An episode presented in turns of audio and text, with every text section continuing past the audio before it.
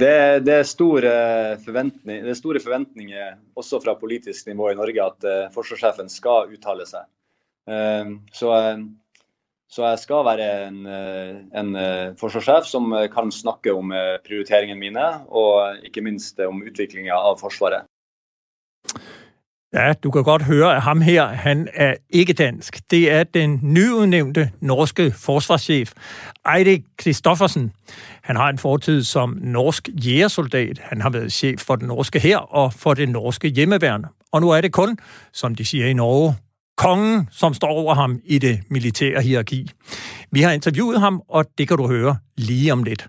Og hvorfor har vi så egentlig det? Jo, for vi har gennem flere måneder og øh, flere omgange forsøgt at få et interview her i frontlinjen med den danske forsvarschef Bjørn Biserup for at tale om fortiden, nutiden og fremtiden.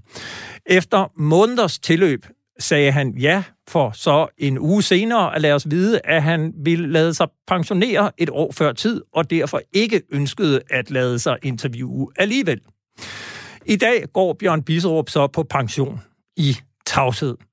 Så meget for den proklamerede åbenhed i toppen af det danske forsvar. Vi har også inviteret forsvarsminister Trine Bramsen i studiet af flere omgange. Svaret har hver gang været Nej tak. Vi har tilbudt hende en hel udsendelse og et interview på 55 minutter om fortid, nutid og fremtid.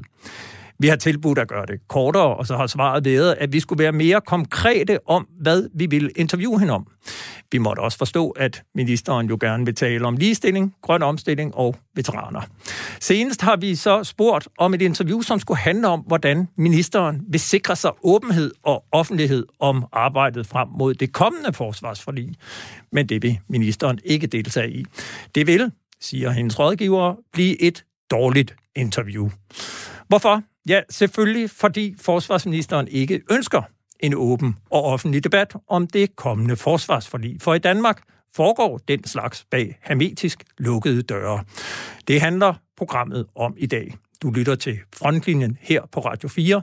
Mit navn er Peter Ernst ved Rasmussen. Velkommen til. Nu vil jeg gerne byde velkommen til mine to gæster her i studiet. Peter Michael Andersen, du er selvstændig advokat, så er du oberstløjtnant af reserven, og så er du også formand for den organisation, der hedder Folk og Sikkerhed. Og kan du ikke lige helt kort indledningsvis fortælle os, hvad er Folk og Sikkerhed? Jo, det kan jeg godt. Tak for invitationen, Peter.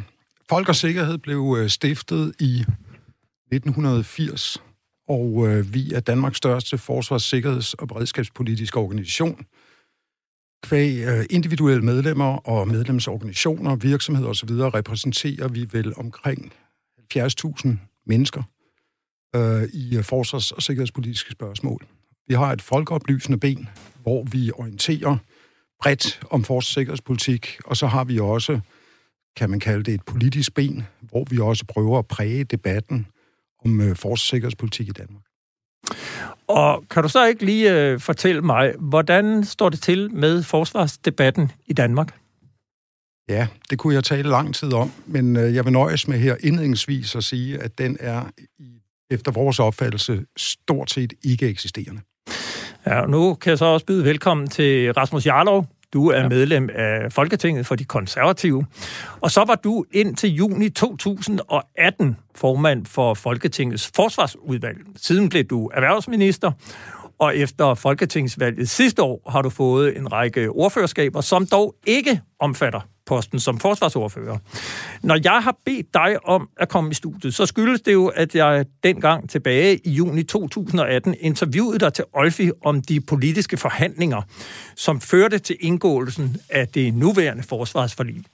Og dengang, der sagde du, og nu citerer jeg, at man som politiker har den opfattelse, at man bliver betragtet som et gummistempel, eller rettere en forhindring, der skal overvindes.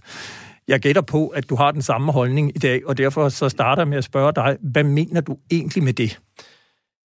Jamen, jeg mener jo, at, øh, som du siger, at der er en meget fraværende forsvarsdebat i Danmark, og øh, der kommer nogle oplæg fra øh, Forsvarsministeriet, øh, vel at mærke ikke fra Forsvaret selv, men fra Forsvarsministeriet, øh, og så bliver øh, forsvarspolitikerne bedt om at nikke nikke til det. Øh, og jeg oplevede, at da vi lavede forsvarsforliget, så var der meget få politikere, der egentlig havde øh, modet og viljen til at sætte sig igennem over for de anbefalinger, som, som kom. Og det synes jeg er ærgerligt, fordi øh, Forsvarsministeriet har også nogle dagsordner, som ikke nødvendigvis er sammenfaldende med det, som er øh, i samfundets og for den sags skyld i forsvarets interesse. Så jeg synes, det er vigtigt, at vi kvalificerer beslutningerne gennem en debat. Det tror jeg på skaber bedre beslutninger, også når det handler om forsvarspolitik. Velvidende selvfølgelig nogle ting, kan man ikke tale åbent om. Øh, jeg har haft et meget illustrativt eksempel her for nylig om nogle efterretninger, hvor jeg synes, det er ret dumt at gå og tale åbent om det. Øh, men når det handler om, for eksempel, om vi skal have værnepligt, øh, hvor stor kapacitet vi skal have, hvor mange penge vi skal bruge på forsvaret, så tror jeg altså på, at vi træffer bedre beslutninger, hvis vi har en oplyst og øh, åben debat om det. Og det hører jo her med til historien, at vi gerne ville have haft en politiker fra den røde side af Folketinget med i studiet. Vi har fra Socialdemokratiet inviteret forsvarsordfører Jan Johansen, vi har inviteret udenrigsordfører Annette Lind og også Rasmus Horn Langhoff, som til lige sidder i Folketingets forsvarsudvalg. De har desværre meddelt, at de ikke kunne deltage. Vi har derudover forsøgt med de radikale, som Martin Lidegaard, han er forsvarsordfører og udenrigsordfører. Han havde faktisk sagt ja til at komme, men blev så desværre forhindret. Vi har også forsøgt med Holger K. Nielsen, som var forsvarsordfører ved indgåelsen af det seneste forsvarsforlig, og vi har også forsøgt med tidligere forsvarsminister Claus Hjort Frederiksen. Det betyder jo i hvert fald, at I to får noget mere taletid, og det går jeg ikke ud fra, I er så kede af. Fantastisk. ja, jeg fortalte før, at øh, det i løbet af vores første 17 udsendelser af Frontlinjen ikke har været muligt at få hverken den danske forsvarschef eller forsvarsminister i tale. Så vi ringede i stedet til Norge for at høre, om den norske forsvarschef ville stille op til et interview. Der kom et meget hurtigt svar. Det var et klingende ja med et spørgsmål om, hvor lang tid vi havde brug for. Og på den baggrund så lavede jeg et interview, der varede næsten en halv time med Eirik Kristoffersen. Han er en moderne chef på 51 år, som blandt andet har udgivet bogen Jægerånden om ledelse i fred, krise og krig og siden august altså Norges nye forsvarschef. Jeg vil gerne spille den første passage her, som netop handler om åbenhed og vigtigheden af at stille op til interview og deltage i den offentlige debat. I forbindelse med hele den her øh, forøgelse af forsvarsbudgettet, der kan jeg jo forstå, der har været en øh, bred offentlig debat, og politikerne pålagde forsvaret at opstille nogle scenarier, men man, man så ligesom fire mulige scenarier for sig, og så havde man en, en debat om, om det. Kan, kan du sige lidt om den proces? Altså, hvordan foregik det, og hvor vigtigt var den offentlige debat omkring det her med, at man fra forsvaret siger, jamen hvis vi ser det her scenarie, så har vi brug for det. Hvis vi ser det her scenarie, så har vi brug for det. Det er jo i Danmark en debat, der foregår stort set bag lukkede døre. Hvor vigtig har den offentlige debat været i Norge? Den, eh, den, offentlige debatten er veldig viktig i Norge rundt, eh, rundt bruken av 64,5 eh, milliard kroner, som også skal økes eh, hvert år frem mot ja, gjeldende i den nye langtidsplanen, så vil, vil økninga fortsette. Så, så, det at, at, at vi har en god debatt rundt bruken av de pengene og det forsvaret vi skal ha, har vært vesentlig både for regjeringa og ikke minst for Forsvaret. Måten eh, det foregår på, er at, eh, at eh, regjeringa gir forsvarssjefen ca. hvert fjerde år et oppdrag om å legge fram sitt fagmilitære råd. Og da, da gir forsvarssjefen sitt råd om hvordan utviklinga av Forsvaret skal være. Og På bakgrunn av det rådet så vil det være en, en debatt der man henter inn innspill både fra norsk militærindustri, eh, altså forsvarsindustri, debatt med i totalforsvarsrammen med, med hele, eh, rundt hele samfunnssikkerheten. Eh, men ikke minst også en, eh, en, offentlig debatt som eh, du sier, som utspiller seg både i media og i, og i uh, forskjellige diskusjonsforum. Og det, det som uh, den gamle historikeren Carl von Clausewitz uh, snakka om, var jo viktigheten av treenigheten mellom myndighetene, makthaverne, militærmakten og folket. Og Den uh, treenigheten har vært viktig å opprettholde også i, i, Norge. sånn at Vi ønsker en, en uh, opplyst, uh, god debatt rundt, rundt bruken av midler til, til forsvar av, av landet. Og hvor meget har den brede øh, civile nordmand deltaget i debatten omkring, hvordan forsvaret skal udvikle sig? Det har vært eh, stor interesse i debatten rundt eh, Forsvarets utvikling. og Spesielt ser vi det i, i leserinnlegg eh, i avisene. Alt fra lokale aviser til de mer eh, nasjonale avisene. Eh, det har vært mye i nyhetene. Eh, det er en eh, debatt eh, fortsatt i Stortinget, for den nye langtidsplanen er ennå ikke bestemt. I, Danmark kalles jo det et, et, forsvarsforlik, mens i Norge så er det en langtidsplan der, der man ønsker å oppnå, mest mulig enighet, men eh, ikke nødvendigvis et eh, forlik. Og så vil et flertall eh, i Stortinget til slutt bestemme den langtidsplanen og hvordan utviklinga skal være da. Så jeg vil si at det har vært en god debatt. Jeg ønsker alltid enda større engasjement. Men det er mange andre viktige saker òg som, som, debatteres. og Forsvaret konkurrerer både med helse og, og skolepolitikk òg, så det, det, er ikke alltid like lett å nå opp. Men jeg syns det har vært en god og åpen debatt den gangen her. I har jo også haft en god debatt omkring øh, de nye jagerfly øh, F øh, 35. Kan du fortælle lidt, hvor mange fly køber I, og, og hvordan har debatten kørt omkring øh, anskaffelsen af F-35 i Norge? Det, det som var øh, besluttet for mange år siden, var å kjøpe 52 F-35 og inngå tidlig samarbeid med, med partnerne i programmet. Så debatten har egentlig, egentlig over for lenge siden. Det var en debatt om eh, hvilken flytype vi skulle ha der eh, man eh, diskuterte Jazz Gripen versus F-35 bl.a.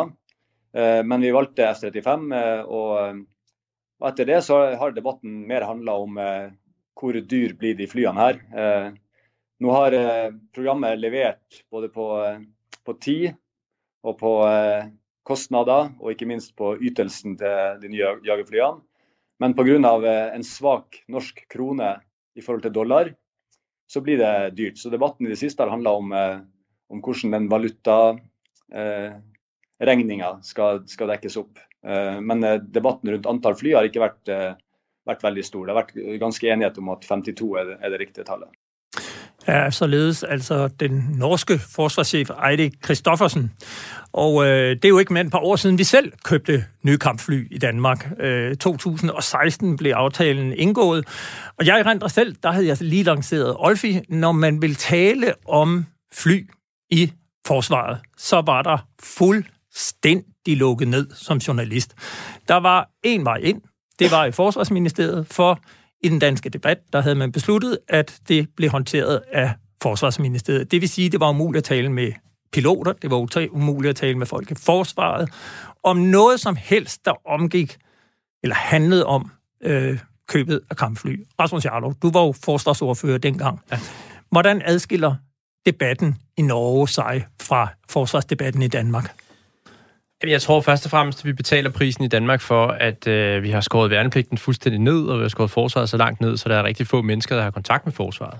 Øh, det er jo i langt højere grad en folkesag i Norge og i Sverige, og i særdeleshed i Finland, øh, hvor at øh, stort set alle mænd er værnepligtige og fortsat har en tilknytning til forsvaret, så de kan stille med en meget, meget stor styrke.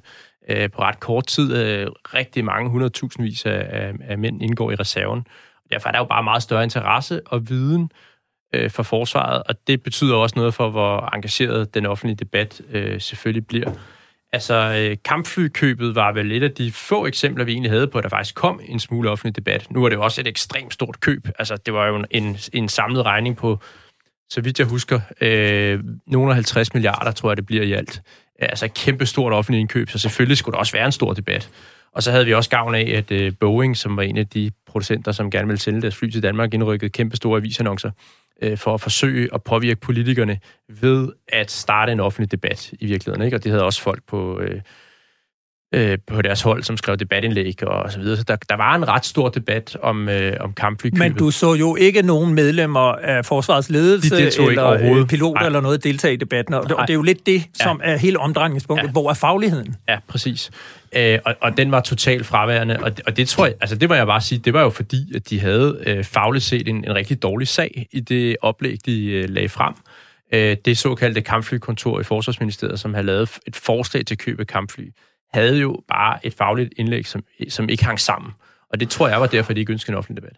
Og nu skal det jo så ikke handle om, øh, om, om debatten om kampfly, men mere generelt det, debatten om, om forsvaret. Men, men Peter Michael Andersen, formand for Folk og Sikkerhed, hvordan ser du, øh, hvad, er, hvad er problemet ved den måde, vi debatterer, eller rettere ikke debatterer forsvar på i Danmark?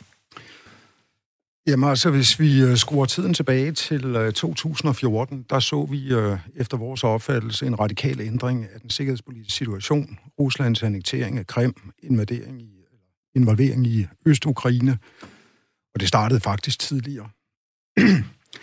og det betyder, at øh, sikkerhedspolitik og dermed forsvarspolitik øh, betyder langt mere, end det har gjort igennem mange, mange år.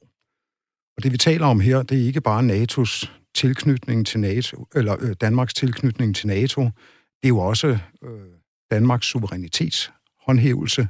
Det er forsvaret af Danmark ultimativt, øh, vi taler om. Og derfor synes vi, at øh, forsvarssagen, forsvarspolitik, øh, det kræver og fortjener en bred folkelig debat. Hvordan får man den, når ledende generaler og chefer øh, i forsvaret ikke ønsker eller må debattere og komme med deres faglige input? Det er et godt spørgsmål. Jeg har lyst til at komme med en opfordring til, at man kunne lade sig inspirere øh, af Norge i debatten nu og i debatten om det kommende forsvarsforlig. Der er blevet skrevet et indlæg af en tidligere militæranalytiker på øh, Center for Militære Studier på Københavns Universitet, en øh, nu pensioneret major, H.P. Michaelsen, som stærkt argumenterer for, at vi i Danmark og i debatten om dansk forsvarspolitik adopterer, om ikke Norges model, fuldt ud. Han kalder den bikini-modellen. Han kalder Danmarks model for burka-modellen. Og han argumenterer for en badedragtmodel. Noget in between. Øh, og det er øh, vi meget enige i, i Folk og Sikkerhed.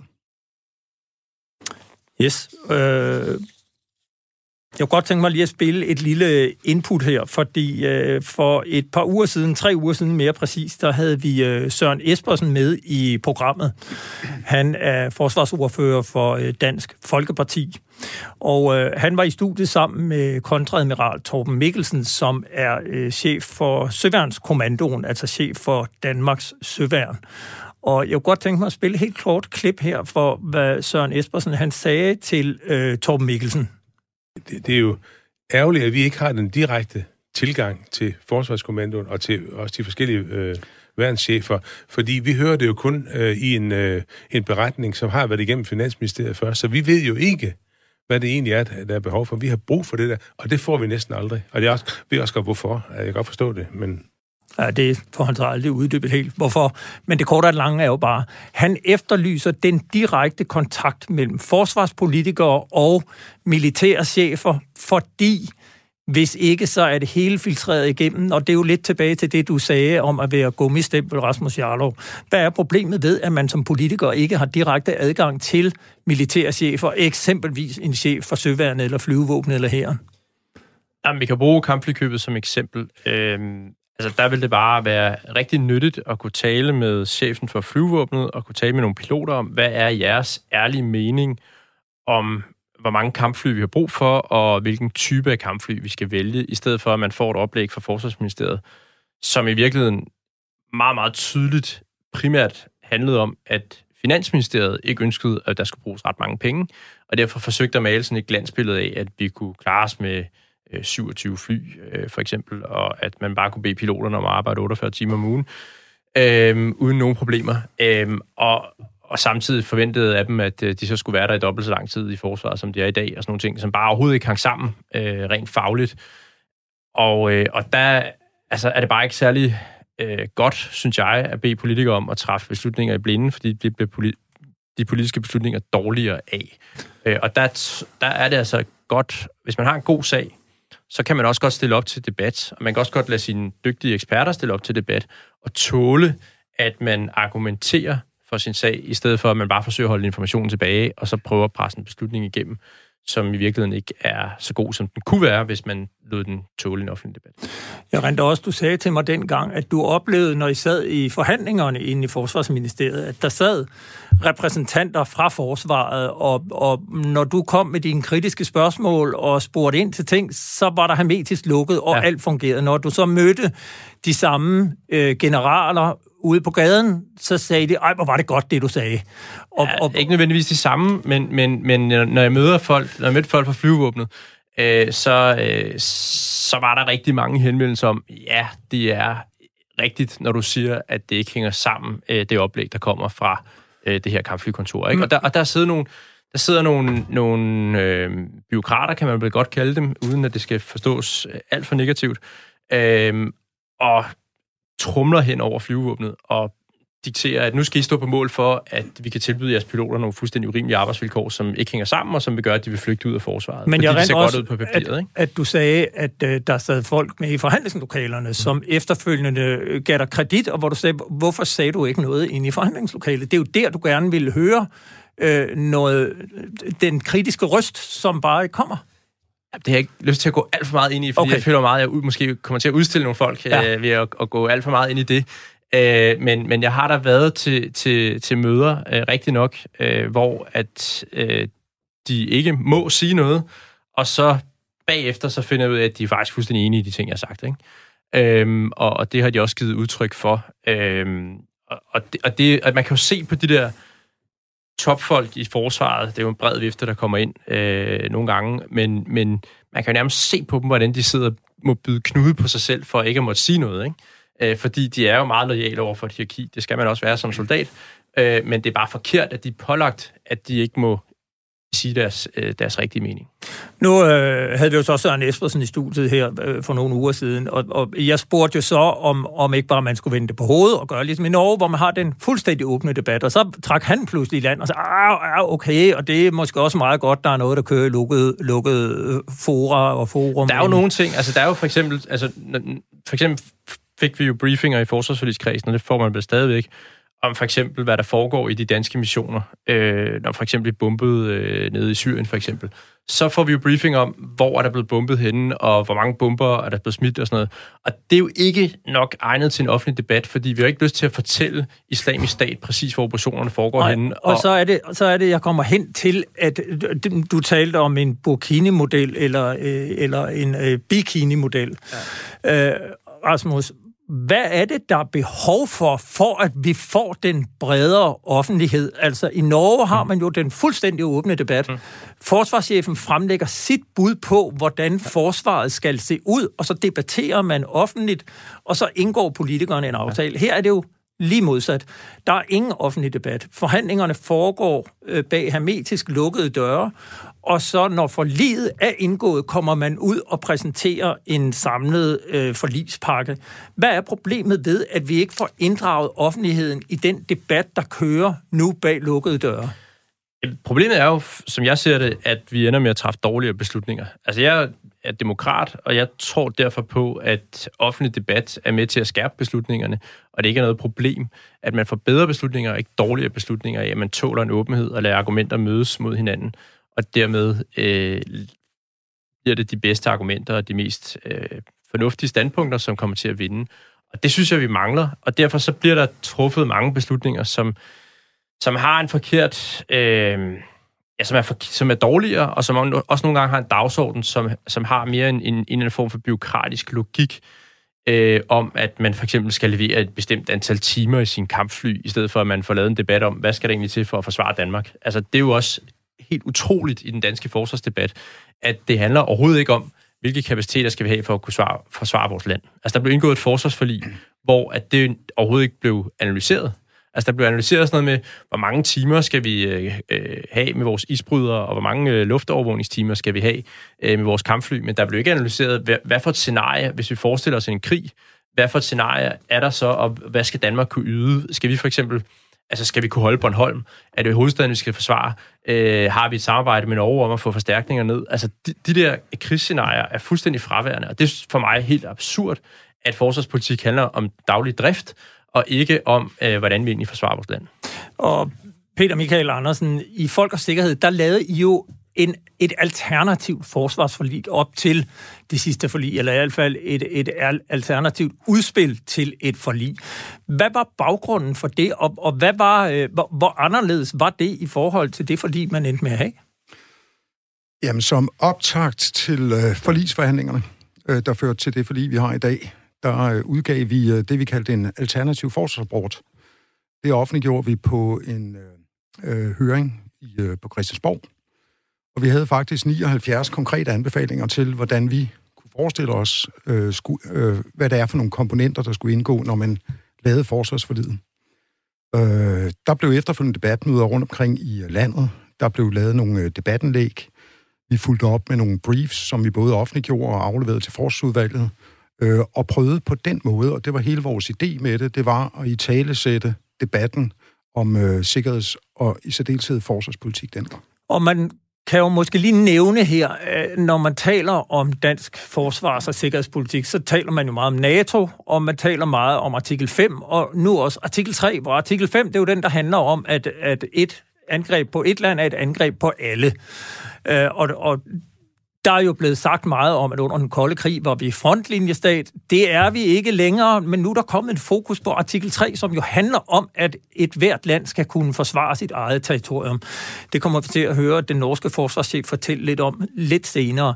Men den debat er jo så godt som fraværende i Danmark, fordi man siger, nu er vi ikke længere frontlinjestat, nu skal vi bare være host nation. Vi skal, vi skal være værter for nogle NATO-styrker, der kommer, så vi har slet ikke behov for det, der skal til for at have et forsvar. Er debatten blevet afsporet, Peter Michael? Jamen, debatten lige præcis som artikel 3, og hvad Danmark kan og ikke kan i givet fald, øh, den er jo stort set igen ikke eksisterende. Og det er vigtigt at huske på, at vi har altså ikke et forsvar af hensyn til NATO. Det kunne man godt få indtrykket af. Vi har et forsvar for i bedst mulige omfang at sikre kongeriget Danmarks suverænitet og sikkerhed. Det er forsvarets, inklusive hjemmeværnets, raison og derfor har vi brug for en øh, debat, som har en langt højere grad af militærfaglig, hvad skal man sige, øh, indsigt øh, og præg. Og øh, som man gør i Norge, så kunne debatten tage udgangspunkt lige præcis i forsvarets øverste ledelses indstilling til, hvordan forsvaret skal udvikle sig fremover. Jeg øh, havde jo i den øh, udsendelse, jeg har nævnt et par gange før, med hvor Søren Espersen fra Dansk Folkeparti deltog, også chefen for Søværnet, øh, kontradmiral Torben Mikkelsen inden. Jeg spurgte ham, hvad, øh, hvad det er for et søværn, Danmark har brug for. Hvad står på hans ønskeliste? Prøv at høre, hvad han svarede her. Hvad er det for et søværn, du kigger ind i, når du kigger i krystalkuglen? Altså, hvad er det, som vi er på vej mod? Hvad er det for opgaver, søværnet skal løse? Hvad er det for et søværn, vi skal have om 10, 20, 30 år? Jamen altså, øh et skib holder, indtil det knækker. Øhm, men i træskolængder, så tager det cirka 10 år, fra du har tegnet den første streg på et stykke papir, indtil du har skibet. Og skibet kan så holde 30 år. Ish. Så selvfølgelig skal man begynde at tænke på, hvad, hvad, hvad skal der til for, at vi kan øh, opretholde øh, det, man nu ønsker, at vi skal opretholde. Øh, jeg synes, vi har et et rigtig godt søværn. Jeg synes, de spor, der er lagt, og, og de ting, øh, vi gør i søværn, søværns ledelse, for at forberede os på, når nu udstyret kommer, og blive dygtige til at bruge det, det synes jeg øh, er, er i virkeligheden en, en, en, en, en, øh, en retning. Øh, fordi så kan vi beskytte det hjerte, som jeg talte om tidligere. Men hvis man så bare lige øh, kort her til sidst øh, ser på opgaven har ændret sig på forsvaret her op gennem nullerne og tierne, hvor vi har været indsat i mange internationale missioner. Vi har brugt støtteskib og fregatter i øh, antipirateribekæmpelse nede ved Afrikas horn. Når du ser på det trusselsbillede, der er, hvad er det så umiddelbart, du ser, der er brug for? Er det korvetter? Er det øh, motortorpedobåde? Eller er det noget helt andet? Eller, eller skal vi bare fortsætte med at bygge primært store skibe, der kan være indsat langt fra Danmark i lang tid ad gangen? Altså, vi har to opgaver. Vi har artikel 3-opgaven, som er forsvaret i Danmark. Så har vi artikel 5-opgaven, som er det kollektive øh, forsvar. Og jeg synes, man skal tænke sig om, og så bygge nogle, øh, bygge nogle kapaciteter, øh, og det er virkelig i alle tre værn, som øh, kan håndtere øh, begge dele, øh, som vi kan bruge og flexe ind og ud. Fordi der er jo ingen, der ved, hvordan der prioriteres i tid og rum. Det kan jo godt ske, at de store skibe, vi har nu, skal bruges til forsvaret i Danmark. Det kan også være, at prioriteringen er, at de skal ud og sejle et andet sted. Ja, Rasmus Jarlov, det er jo en chef for Søværnet, som ikke har lyst til at være særligt konkret om, hvad det er, han mener. Der er brug for, at vi har et godt søværn, og vi har lagt nogle gode spor ud, og det er godt at følge. Og ja. kan man ikke sige, at Torben Mikkelsen, han gør bare det rigtige? Han er jo chef for søværnet, og så taler han lidt i generelle vendinger, og så overlader han den direkte militære rådgivning til sin forsvarschef og så sin minister. Han, han kan ikke få ordet ubåd over sin mund, kan jeg godt høre. øh, som jo er det, som Danmark mangler for at kunne forsvare sit øh, søterritorium. Øh, jeg kan godt forstå ham lidt, fordi det er jo en politisk opgave at udstikke, hvad er prioriteterne. Øh, det er jo politikerne, der skal bestemme, hvor højt skal vi prioritere øh, det, han kalder det kollektive forsvar, altså internationale missioner, og hvor højt skal vi prioritere øh, forsvaret af dansk øh, søterritorium. Øhm, og det er politikere, der skal træffe den beslutning, og, og før de har truffet den, så kan han jo ikke rigtig sige, hvad skal jeg så bruge af værktøjer for at kunne løse den opgave. Øh, så et eller andet sted har han jo ret i, at det er ikke ham, der skal sige det, men han, man kunne godt sige lidt mere om, at øh, der er ved at, være tid til, at der skal bygges nogle nye skibe, øh, hvilket han også antyder lidt i interviewet, ikke? Og at hvis vi skal forsvare øh, dansk territorium, så mangler vi nogle, nogle kapaciteter til at, at, at kunne forsvare skibe mod øh, ubådstruslen, som jo er øh, sådan, det har vi slet ikke i dag, altså af betydning. Øh, og det betyder jo, at den danske flåde er ekstremt sårbar og kan blive plukket ud af, af, af fjendtlige ubåde meget, meget hurtigt. Og det, det er et problem, vil jeg mene, hvis man var admiral. Peter Michael øh, Andersen, øh, er, er det ikke også en risiko, hvis man nu lader værnschefer og generaler komme med deres fagmilitære holdning, at, at noget bliver revet ud af kontekst, og det pludselig bliver brugt politisk. Du har en chef for Søværnet, der siger det. Hvorfor skal vi så bla bla? Han siger jo selv. Kan det ikke også nogle gange forplumre debatten, hvis man har for mange kokke, der pludselig blander sig om, hvilken vej man skal gå, når der er noget, der er politisk vedtaget? Jo, det kunne... Øh, altså, den risiko kunne, øh, kunne man godt se. Men stadigvæk, hvis øh, de offentlige råd, der kom, var stringent militærfaglige, så har jeg svært ved at se, at debatten kunne blive forplumret. Så vil debatten blive åben, og øh, det er fuldstændig rigtigt, som Rasmus Jarlov siger. Jamen ultimativt, så er det op til politikerne at træffe beslutningen. Det anfægter vi naturligvis overhovedet ikke. Vi synes bare, at folk, øh, befolkningen har krav på at få at vide, hvad er det for nogle prioriteringer og nedprioriteringer, der ligger til grund for de politiske beslutninger. Du lytter til Frontlinjen på Radio 4. Mit navn er Peter Ernst ved Rasmussen. I dag debatterer vi forsvarsdebat eller mangel på samme. Og med mig i studiet har jeg Peter Michael Andersen, som er formand for Folk og Sikkerhed, og jeg har Rasmus Jarlov, som er Folketingets politiker for det konservative Folkeparti. Vi har tidligere hørt en lille bid af mit interview med den nytiltrådte norske forsvarschef, general Eirik Kristoffersen. Og sådan her lyder det, lyder det, når, det når den norske forsvarschef præsenterer sine militærfaglige råd på en pressekonference.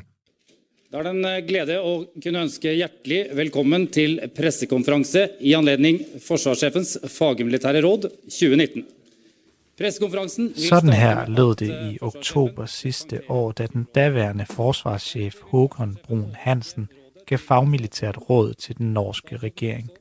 Endda foran et stort presseopbud. Et lignende scenarie findes ikke i Danmark. Statsråd, kjære alle sammen.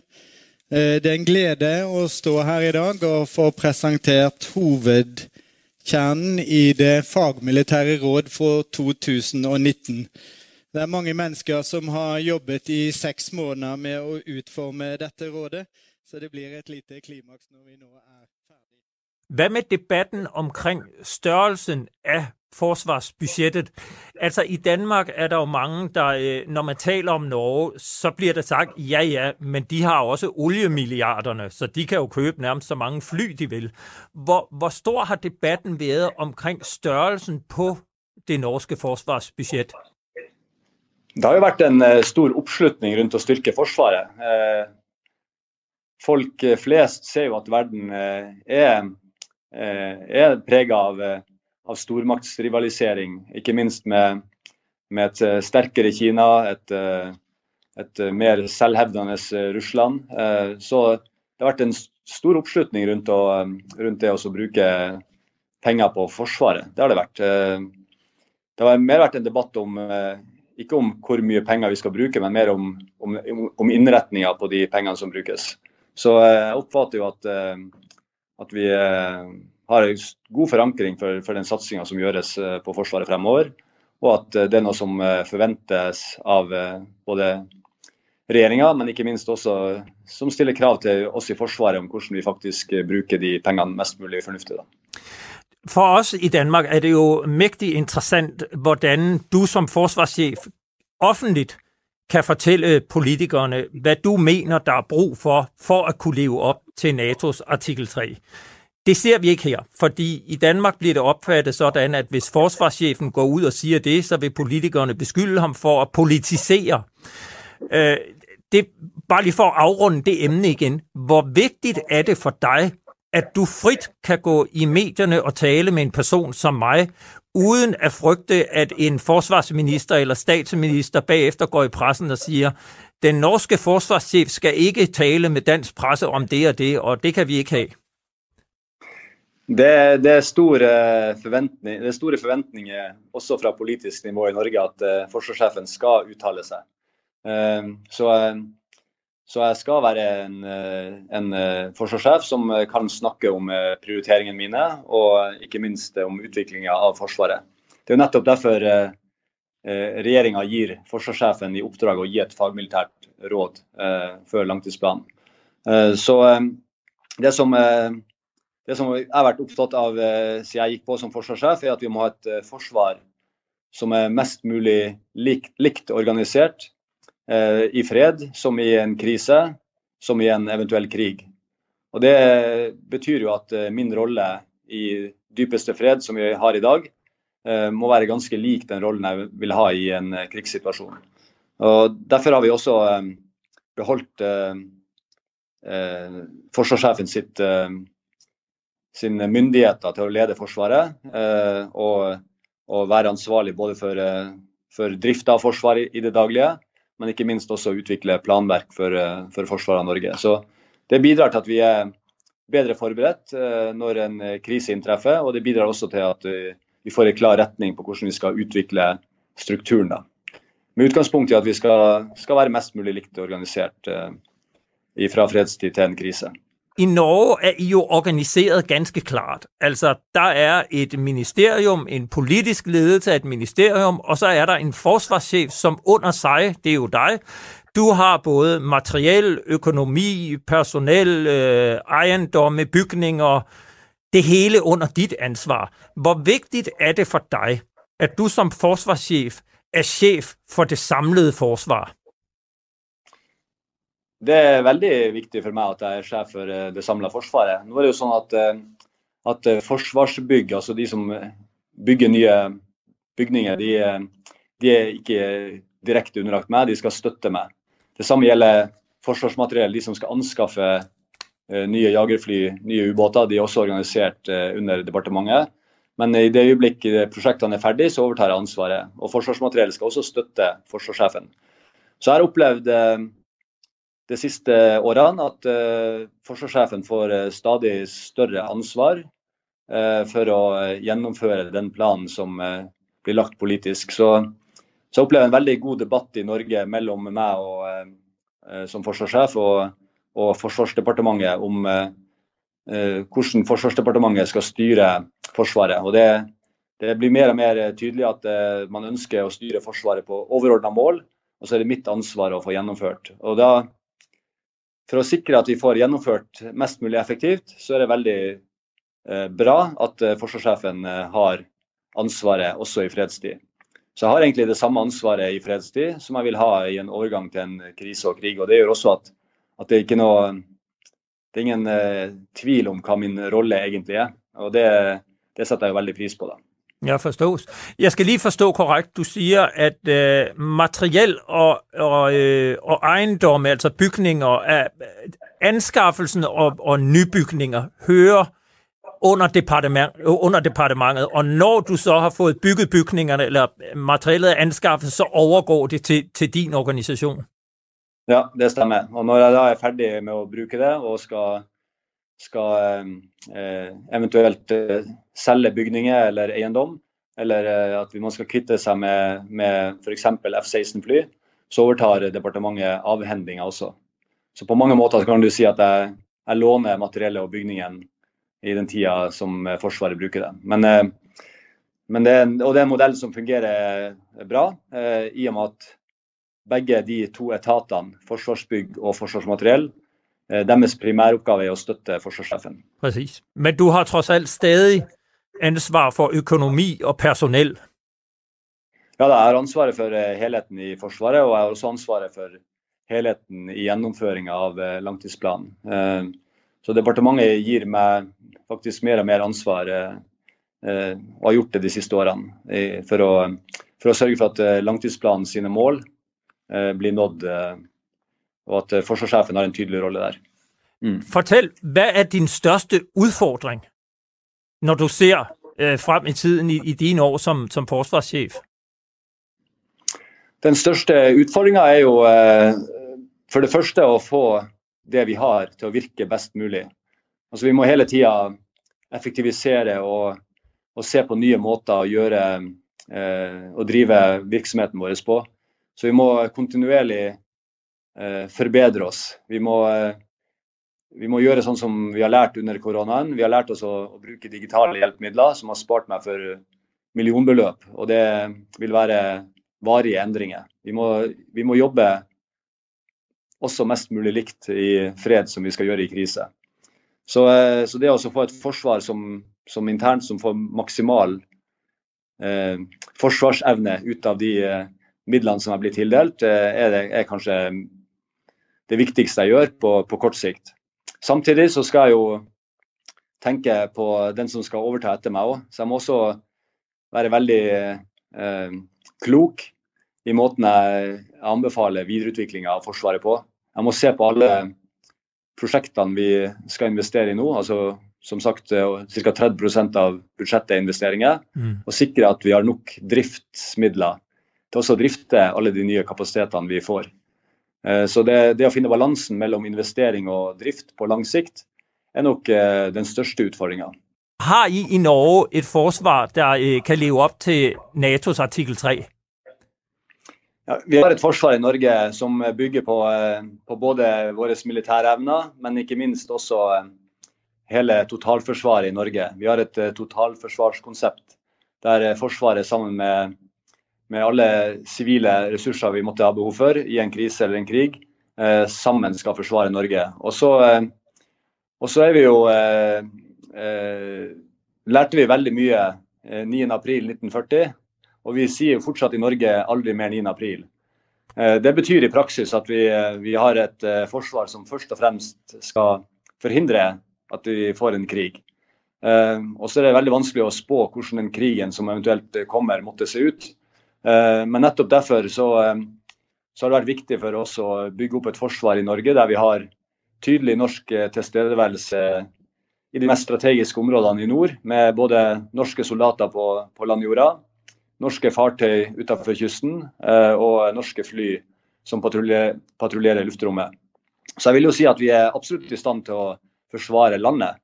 Og så er det jo spørsmålet om hvor mye og hvor lenge. Det er jo helt avhengig av, av, av, motstanderen. Så en motstander har bestandig et, et ord med i laget hvis man eh, snakker om krig. Er der noen kapasiteter i et forsvar som Norge ikke råder over, eller har I alle kapasiteter der er nødvendige? Norge skal forsvares sammen med Nato. Eh, så vi må se alt eh, det Norge har av forsvar i sammenheng med Nato. Det er ingen nasjoner som, eh, som eh, står seg best alene. Eh, det var også en av lærdommene etter eh, andre verdenskrig at vi hadde mange venner, men vi hadde ikke noen allierte før utbruddet i, i 9.4.1940. Det gjorde at vi også meldte oss inn i Nato som et av de første landene i 1949. Norge skal forsvare seg sammen med Nato, og det er sammen vi er sterke. Vi har valgt i Norge å beholde bredden i kapasiteter. Vi har valgt å beholde både undervannsbåter, eh, fregatter, korvetter i Sjøforsvaret. Vi har valgt å beholde minerydderkapasitet. Eh, vi har også valgt å beholde en hær som er både eh, lett eh, og tung. Og vi har satsa på, eh, på, å ha en bredde i eh, Luftforsvaret som også kan fylle de fleste rollene. Så vi har valgt bredde de siste årene, litt på bekostning av volum. Og det har vært for å opprettholde en, et, et balansert forsvar, som vi kaller det. Og hvorfor har I valgt det? Ja, det har vi valgt fordi vi skal nettopp eh, være i stand til å oppfylle artikkel 3. Eh, og at vi skal også kunne hevde vår suverenitet eh, både på landjorda, i luftrommet og eh, på havet. Uten å måtte være avhengig av allierte. Spesielt i de mest sensitive områdene på grensen til Russland har det vært viktig for oss å ha tydelig norsk tilstedeværelse med alle kapasiteter. Som gjør at, eh, at vi kan unngå misforståelser. Eh, vi har en, en eh, et samarbeid med Russland innenfor søk og redning og grensekontroll. Og det finnes ei, ei eh, telefonlinje mellom eh, sjefen for Forsvarets operative hovedkvarter og sjefen for Nordflåten i, i, Murmansk, som gjør at man kan ringe hverandre hvis det skulle oppstå sånne misforståelser når begge nasjonene driver med suverenitetshevdelse, eller f.eks. at man trenger bistand i forbindelse med søk og redning. Så Derfor har vi holdt en bredde i Forsvaret, der vi der vi kan eh, respondere på i, i alle domener, faktisk. Ja, således altså den norske forsvarschef et meget åbenhjertigt interview, hvor han jo ikke er bange for at tale om truslen og hvordan man skal agere rent militært på den. Jeg kunne godt tænke mig at spørge dig, Rasmus Jarlov. Øh, nu har du lyttet til interviewet her med Eidik Kristoffersen. Hvad kan vi lære i Danmark og Norge? Ja, det er jo tydeligt, at øh, de, som har et blåt kors i Dannebro, tager øh, forsvaret noget mere alvorligt, øh, end vi gør øh, hernede. Og øh, de har jo et forsvar, som er cirka dobbelt så stort som vores, øh, mål på de fleste parametre, øh, både budget og antal kampfly og øh, soldater osv. Så, øh, så de mener det alvorligt, at de vil kunne forsvare sig. Og jeg tror, at det er rigtigt, at, at de har draget en anden lære af 2. verdenskrig, end vi har. Øh, vi har i Danmark draget en lære af 2. verdenskrig, at øh, vi, vi skal vente på vores allierede, og vi kan ikke gøre ret meget forskel selv. Øh, hvor man i Norge er meget stolt af den øh, modstand, man yder, og, og gerne vil have ydet endnu mere. Øhm, og der, der er en stor mentalitetsforskel, og så er der den forskel, at der er simpelthen mange flere, der er i forsvaret. Det har en selvforstærkende effekt på den måde, at de øh, derfor også har mange flere mennesker, som interesserer sig for, hvad der foregår og forstår det. Øhm, og, og, og, og de har jo så også en helt anden tilgang til, at det er en folkesag, som bliver debatteret åbent.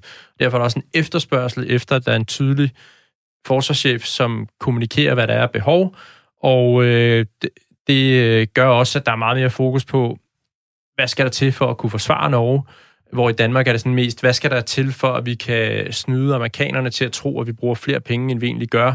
Øhm, og på den måde snige os udenom opgaven. Ikke? Altså, det er sådan lidt det, man hører mange danske politikere tale om i øjeblikket. At, jamen, det er også uretfærdigt, at de skal os ud, for at vi ikke bruger penge nok, fordi vi i virkeligheden så burde vi tælle vores forskningsbudget med og sådan noget. Ikke? Øhm, og det, det, er jo en, det er jo en helt anden tilgang øh, til det, øh, og egentlig sådan, altså, jeg synes jo, det, det er enormt slapt, og jeg vil jo ønske, at vi havde den samme tilgang, som nordmændene har. Tror du nogensinde, det kommer til at ændre sig i Danmark? Øhm, Altså, det, nu, det kommer til at lyde meget dramatisk, ikke? Men, men der skal jo nok nærmest en krig til, øh, altså for at det sådan rigtig bliver taget alvorligt. Jeg havde håbet, man ville tage det lidt mere alvorligt efter Ruslands militære invasion af Ukraine. Fordi der er krig i Europa stadigvæk.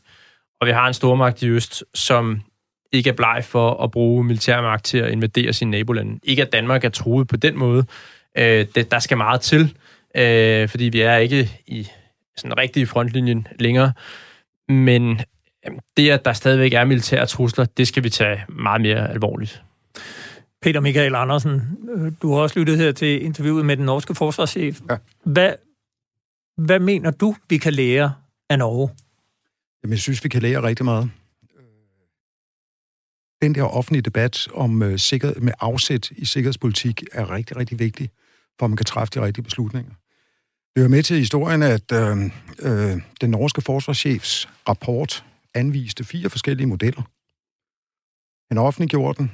Der var en offentlig høring, og derefter var der en debat i øh, Stortinget, hvor man lagde sig fat, øh, fast på en af modellerne, og det er jo det politiske prerogativ. Det skal de gøre, det skal politikerne gøre, men at komme med fire forskellige anbefalinger, øh, det er ikke politiseren, som du spurgte den norske forsvarschef om.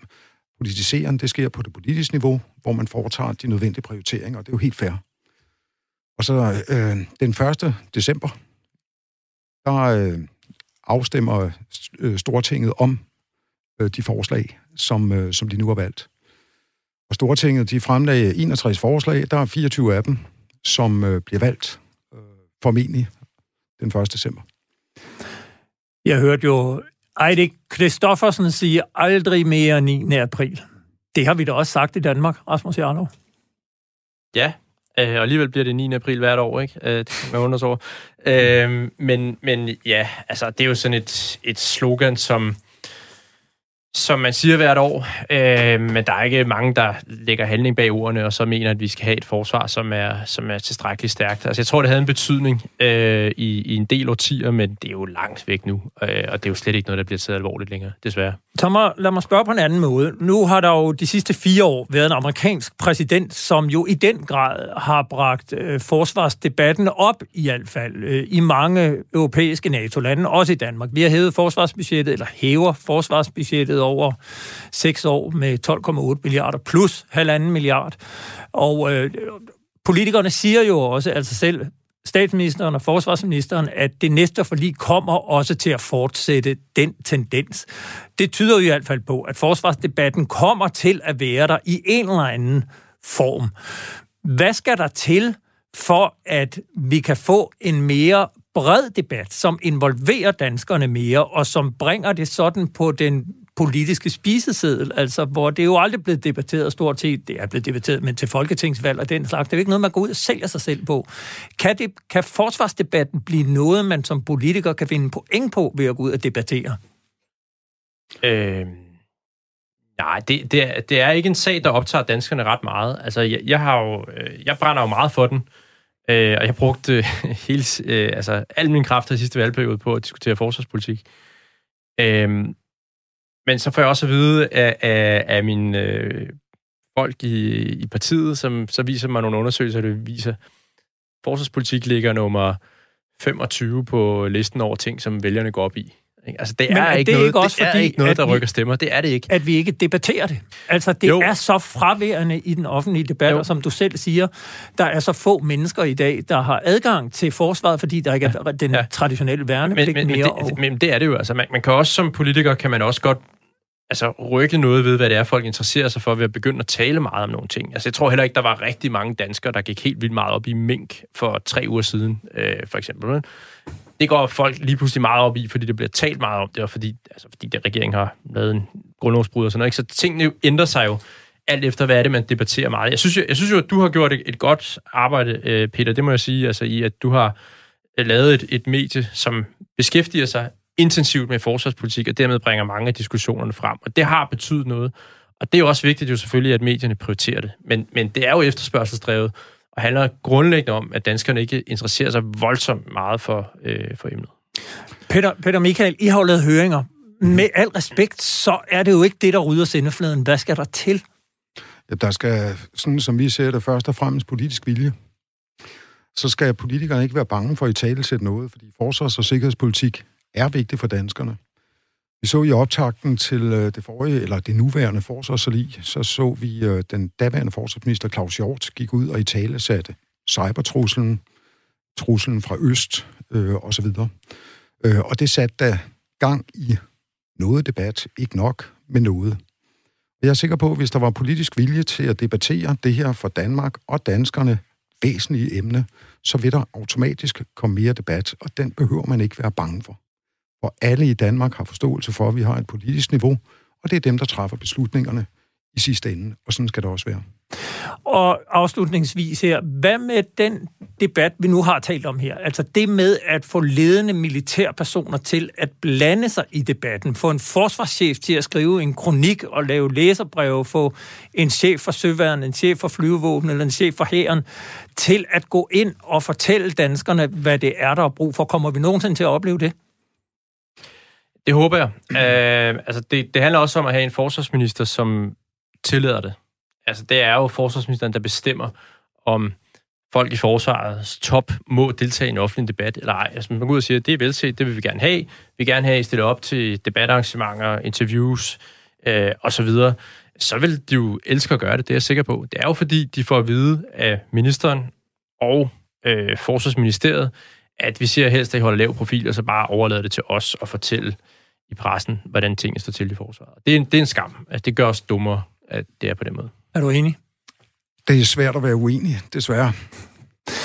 Det var, hvad øh, vi nåede i denne udgave af Frontlinjen. Jeg vil gerne sige tak til mine gæster, Peter Michael Andersen fra Folk og Sikkerhed, og til Rasmus Jarlov, medlem af Folketinget for det konservative Folkeparti. Min kollega Jeppe Rets Husted går og venter på at blive far hvert øjeblik, det skal være. Og derfor var det i denne uge Niklas Groth Dein, som sad i redigeringen, og tak for det. Har du ris eller ros, kan du kontakte os på frontlinjen radio4.dk.